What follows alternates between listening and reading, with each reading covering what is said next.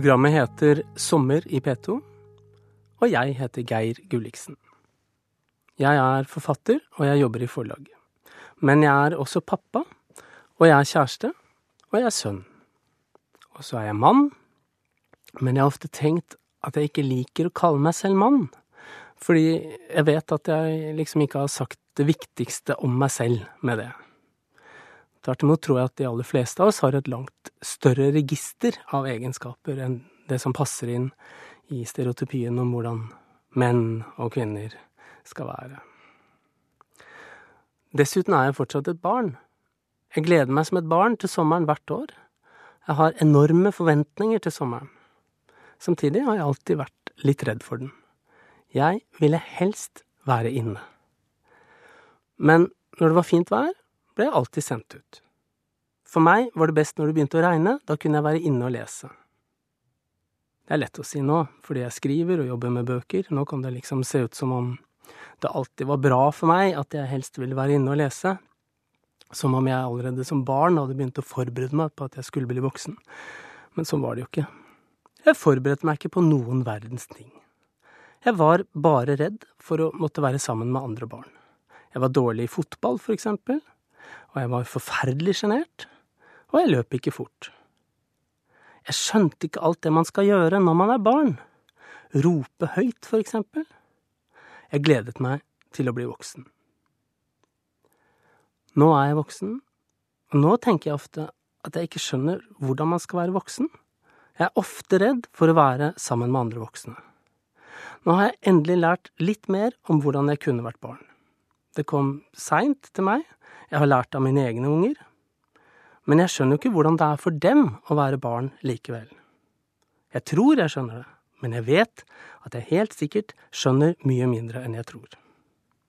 Når ungene mine vil være inne og lese, selv om det er fint vær ute, skjønner jeg det. Men når de sitter inne og spiller Minecraft eller Sims, da blir jeg redd for at de kaster bort tiden sin og livet sitt, og at de ikke får en ordentlig barndom. En ordentlig barndom er å være ute og løpe og bygge plankehytter i skogen. Alle som er voksne, tror det.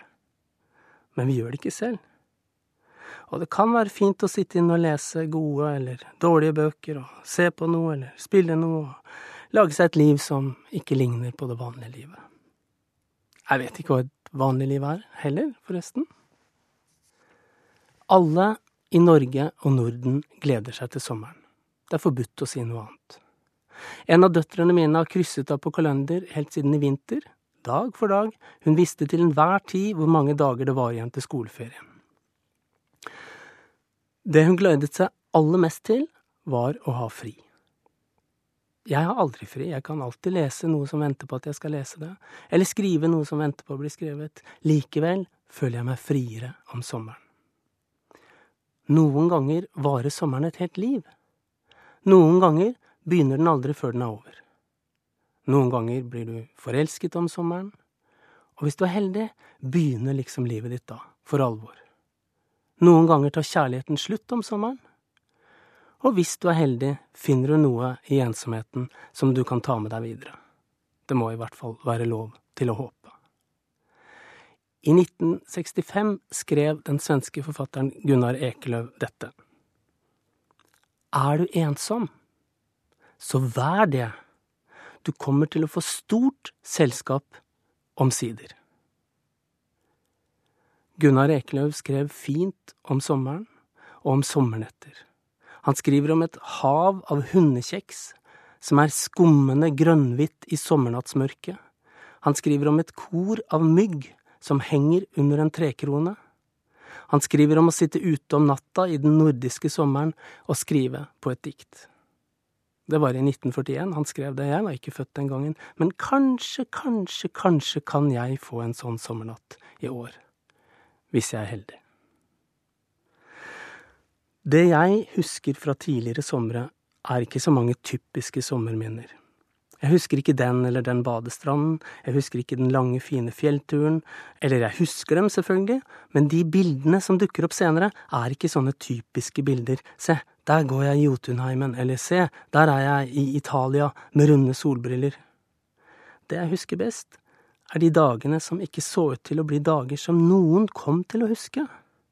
de dagene som var tomme dager. Da jeg gikk omkring alene eller sammen med andre, da jeg plutselig var helt åpen og kunne sitte i en trapp eller på en lav stol og se på lyset eller på trærne, eller den dagen jeg kunne sitte inne i et rom og se på de andre som var ute, fugler og folk og biler og skyer. Vi trenger ikke så mye om sommeren, kanskje bare en fin utsikt. Ray Davis fra The Kinks sang sin egen låt. Den er fra 1967, egentlig, men her hadde han spilt den inn på nytt, sammen med Jackson Brown. Jeg presenterer meg ofte litt rotete, enten sier jeg for mye eller for lite, men hvordan skal vi egentlig presentere oss for hverandre? Noe av det jeg liker best med å gå på fjellet i Norge, er den kulturen som eksisterer blant dem som går fra hytte til hytte. Hvis du begynner å snakke med folk, kan du godt fortelle hvor du har gått fra, og hvor du har tenkt deg videre. Og du kan gjerne spørre andre hvor de har gått fra, og hvor de skal, og hvilken rute de vil anbefale. Du kan til og med spørre hva slags sekk de har, eller anorakk, hvis noen har anorakk lenger. Men du skal ikke spørre hva de jobber med. Det er et regelbrudd. Du skal la folk være litt i fred. Du skal ikke be dem om å definere seg selv på den vanlige måten. Den som går på fjellet, har lagt det vanlige livet bak seg. Du kan snakke om stiene, om landskapet, om hvor langt det er fra den ene toppen til den andre, og om været, selvfølgelig. Det kan bli fine samtaler av det. Men det jeg liker aller best, er at folk som går i fjellet eller i skogen, ikke behøver å snakke med hverandre i det hele tatt. Vi hilser på hverandre, det er viktig. Vi sier hei, lett og litt optimistisk. Vi anerkjenner at den andre fins, at vi har sett hverandre, at vi lever i et samfunn, og akkurat nå har vi søkt litt vekk fra det, til stiene, til utsikten, til skyggene under trærne eller den åpne himmelen på vidda.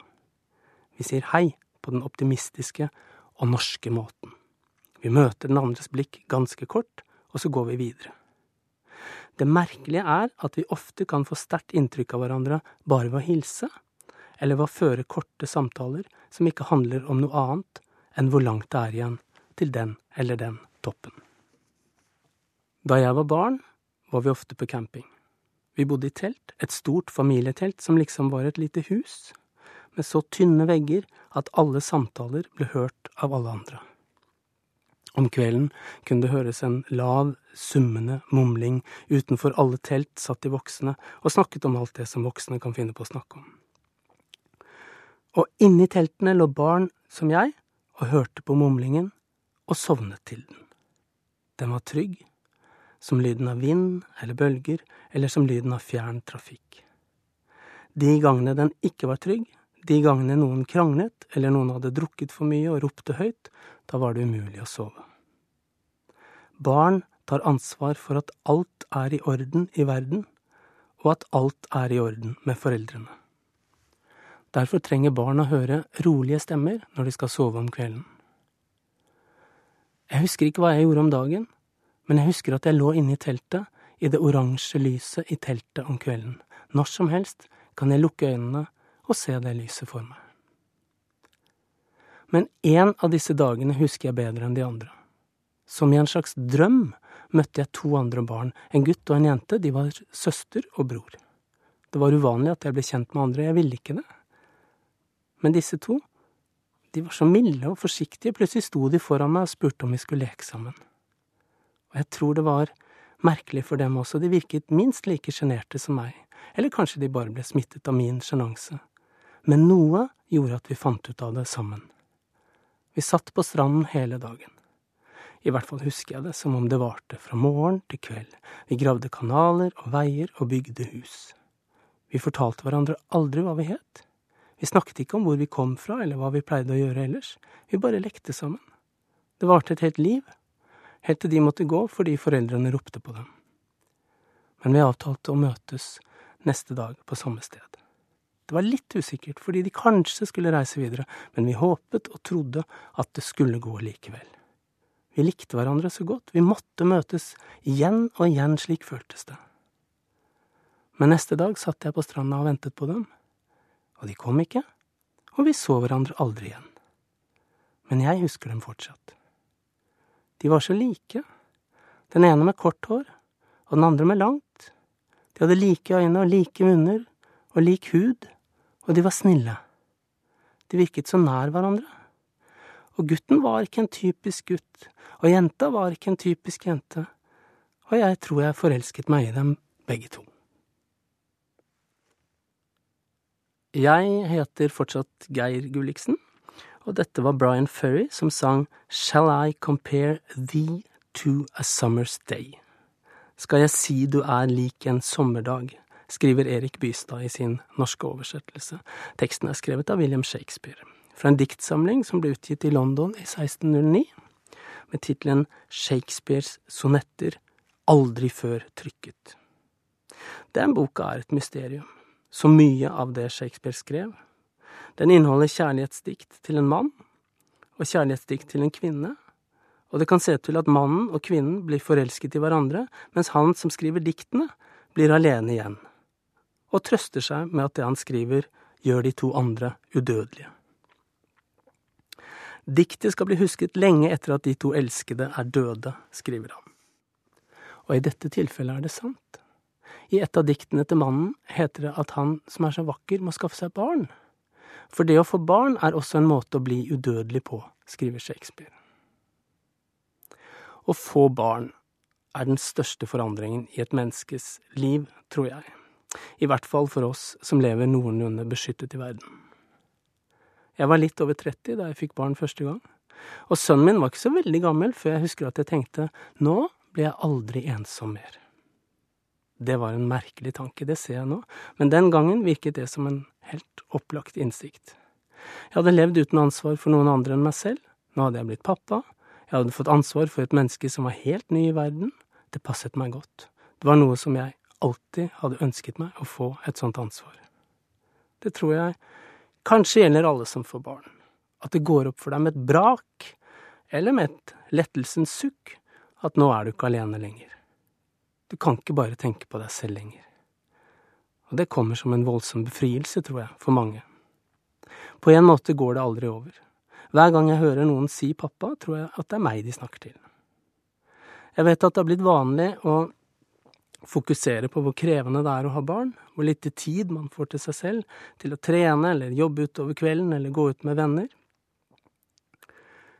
Men jeg opplevde det som om livet begynte for meg også, og som en mulighet til å slippe vekk fra meg selv. Merkelig nok ligner det å slippe vekk fra seg selv på endelig å bli seg selv. Grunnen er vel at vi ikke er ferdige, noen av oss, vi blir til hele tiden. Og det å være sammen med barn gjør deg i stand til å utvikle større deler av deg selv, rett og slett. Nå er jeg aldri mer alene, tenkte jeg. Det er jo ikke sant, selvfølgelig. Ungene vokser opp og får andre ting å tenke på enn meg, de kommer ikke alltid til å være der. Etter noen ganske få år begynner de å være mer sammen med andre.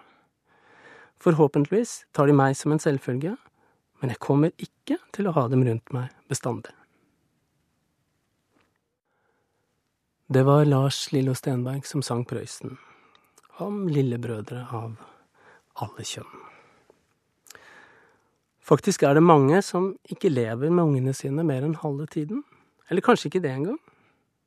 Det er et faktum at mange skiller seg, og hva gjør vi da? Du har barn, ett eller flere. Du har bygd opp livet ditt sammen med dem. Dere er sammen alltid, nesten. De er der alltid. Eller nesten. Du er der alltid for dem, eller nesten. Og så, hvis de som er foreldre sammen, ikke kan være kjærester lenger, blir alt snudd om på. Og hvordan skal vi leve da? Jeg har opplevd det selv, jeg kjenner mange andre som har opplevd det, og jeg syns det er rart at vi ikke snakker mer om foreldrenes savn. Plutselig skal du være uten ungene dine en hel uke, og de skal være uten deg. Det er en voldsom omveltning. Aller mest for ungene, men også for den voksne.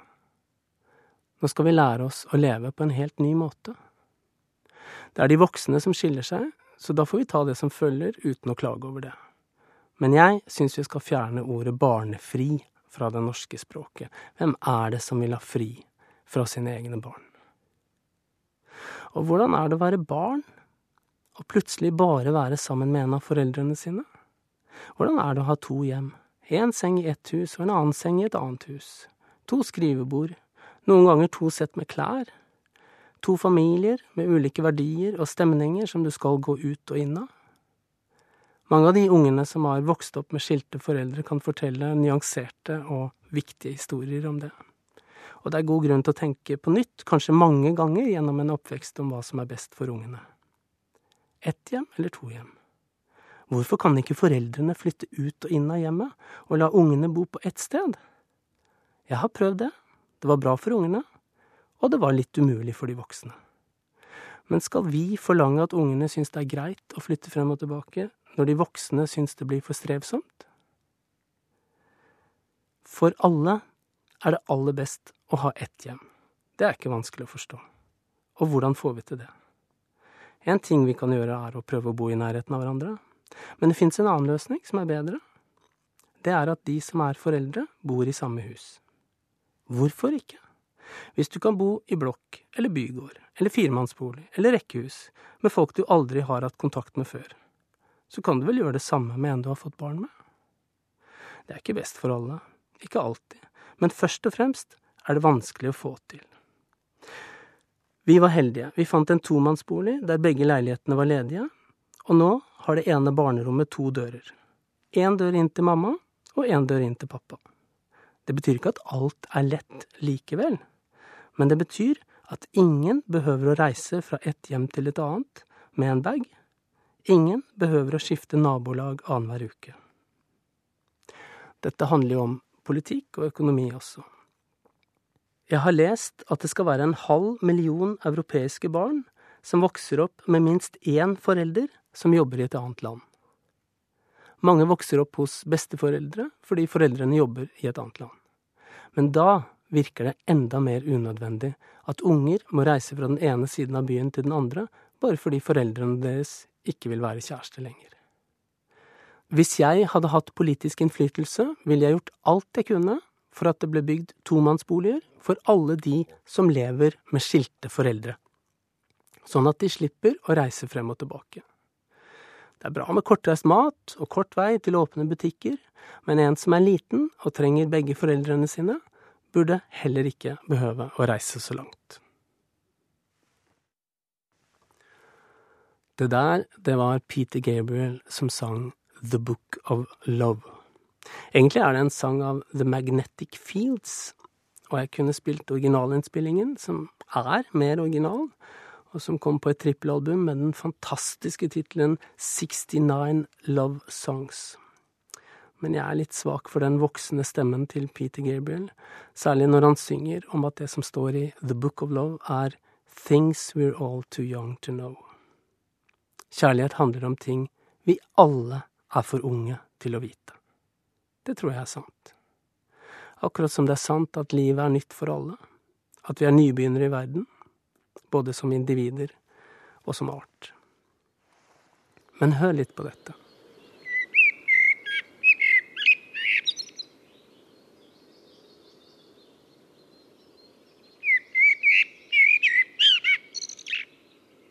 Han som sang der, var en trost. En vanlig svarttrost. Jeg vet ikke helt hvorfor jeg sier vanlig. Jeg kjenner han ikke, han er antagelig akkurat like vanlig og like spesiell som hver enkelt av oss. Fugler er jo også individer. I fjor vår og sommer ble jeg litt kjent med hans svarttrost. Han bodde ved siden av meg, han satt ofte i et stort lønnetre ved siden av huset, og jeg tror han hadde et reir i et kratt like ved. Det var ikke bare han, selvfølgelig, det var mange andre. Svarttrost og gråtrost, og sånn er det i år også, men det var særlig han jeg ble knyttet til. En ganske ung svarttrost som hang mye rundt i hagen der jeg ofte sitter. Jeg kunne sitte helt stille og lese, da gikk han omkring på plenen og holdt på med sitt. Vi visste om hverandre, men lot den andre være i fred, slik folk gjør når de har tillit til hverandre. Noen ganger satt han på toppen av naboens flaggstang og sang, svart i kroppen og med sitt gule nebb. Han så ut som han plasserte seg der fordi han visste at han tok seg godt ut. Men når han løp over plenen, måtte han bøye seg frem, mest på grunn av den lange halen. Han så listig ut når han løp sånn, krokbøyd, med vingene på ryggen, som om han hadde tatt noe. I år har han kommet tilbake. Antagelig, tror jeg, har han fått seg kjæreste og barn. Antagelig har livet hans blitt travelt og meningsfylt. Det er vel derfor han flyr til og fra. Men litt utpå sommeren er ungene hans store. Da er han alene igjen. Jeg skrev et dikt om den trosten. Og så skrev jeg flere dikt om andre fugler, og til slutt hadde jeg en bok som blant annet handlet om fugler, men kanskje mest av alt om hva fugler og mennesker har felles. Akkurat som fugler og dyr, og trær og gress for den saks skyld, er vi eksempler på liv. Vi er forsøk, eller skisser, og vi er ikke ferdige. Antagelig oppsto organisk liv på jorda for 3,6 milliarder år siden. Antagelig har det eksistert fugler i 100 millioner år. Begynnelsen på vår art kom litt senere, og det vi kaller mennesker, er kanskje bare 200 000 år. Vi er unge som art, men vi har mye til felles med de andre artene som vi lever sammen med. Skjelettet, for eksempel, som ligner en slags kurv som vi kan bære bløtdelene våre trygt omkring i. Eller omsorgen for ungene, og solidariteten vi føler fra annet liv. Alt dette er antagelig medfødt. Det er en slags trøst å tenke på det, syns jeg. Det er litt forpliktende også, å vite at evnen til medfølelse er nedlagt i oss, at den er medfødt, at den er naturlig. Men menneskers naturlige trang til å ta vare på hverandre kan lett overstyres av den kulturen vi lever i. Patti Smith sang Changing of the Guards, en sang som Bob Dylan lagde i 1978. Igjen kunne vi kanskje ha spilt originalen, men jeg liker Patti Smith fordi hun gjør sangen til sin egen, og fordi hun har en innlevelse og en intensitet som liksom løfter alt. Dessuten virker hun alltid oppriktig, hvis jeg kan bruke et sånt uttrykk. Mer og mer blir jeg opptatt av at det jeg syns er bra i musikk og litteratur og teater og film, kan beskrives med ord som ugardert, åpen, nær livet og det er vanskelige ord å bruke om kunst. Men de fleste merker forskjell på det som kommer fra et menneske, og det andre som bare prøver å ligne på noe som har blitt laget før. Dag Solstad har en gang skrevet dette. Min enkle troskyldighet omtales ikke som om den skulle vært et tabuemne. Troskyldighet er et bra ord. Det står ikke så høyt i kurs. Det høres ikke så avansert ut å snakke om det. Og kanskje var det derfor det tok meg mange år, faktisk flere tiår, før jeg skjønte at det jeg hørte hos Bob Dylan, var noe av det samme. En voldsom tilstedeværelse som handler om noe annet enn å lage sanger som ligner på sanger som folk har laget før. Because he was just too real, synger Bob Dylan et sted. Og de gangene han virkelig er god, er han virkelig, virkelig. Jeg har gått til og fra Bob Dylan siden jeg var 15, uten å skjønne at noe av det som gjør inntrykk på meg, er at han kan synge så direkte, så ugardert. Det er mye annet vi kan snakke om når det gjelder Bob Dylan. Tekstene, melodiene, hvor sløy og smart og velformulert han er.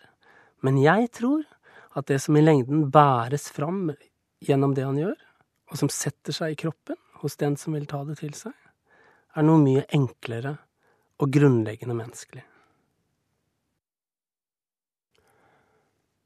Bob Dylan sang Simple Twist of Fate. Denne versjonen var fra en konsert i 1975.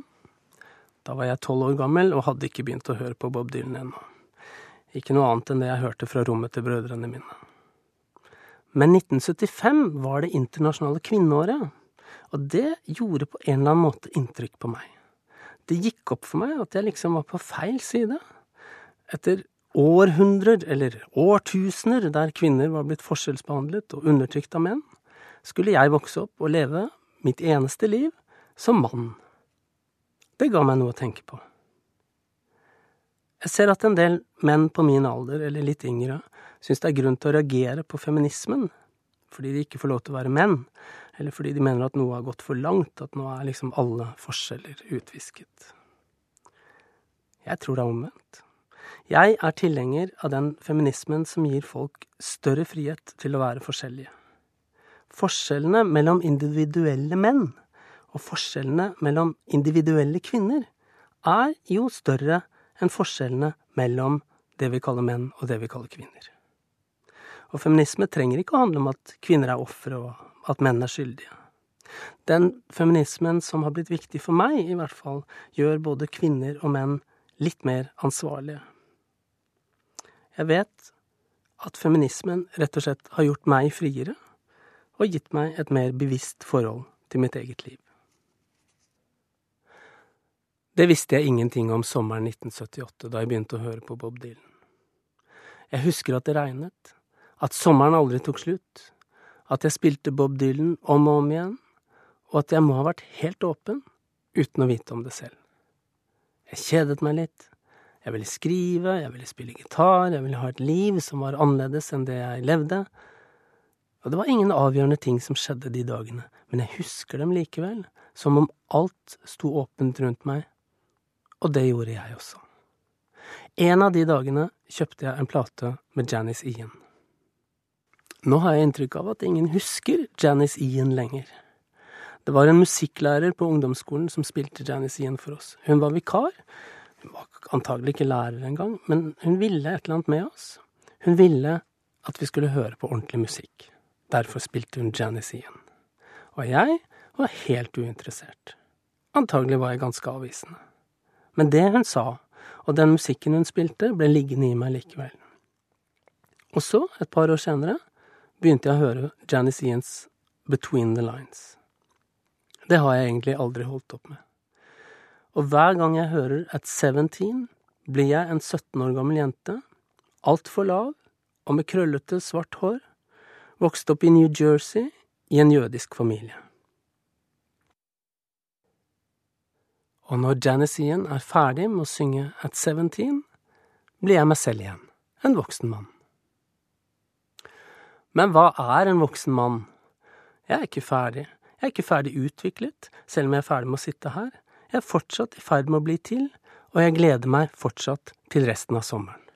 Hvis det regner, skal jeg sitte i en stol inne, forhåpentligvis ikke alene, men med bøker i fanget og med vinduet åpent, slik at jeg kan høre fuglene som diskuterer med hverandre og med eksistensen, og regnet som blar seg gjennom løvverket i store, grønne trekroner. Og hvis det blir fint vær, da skal jeg ta med meg stolen ut, hadde jeg tenkt. God sommer.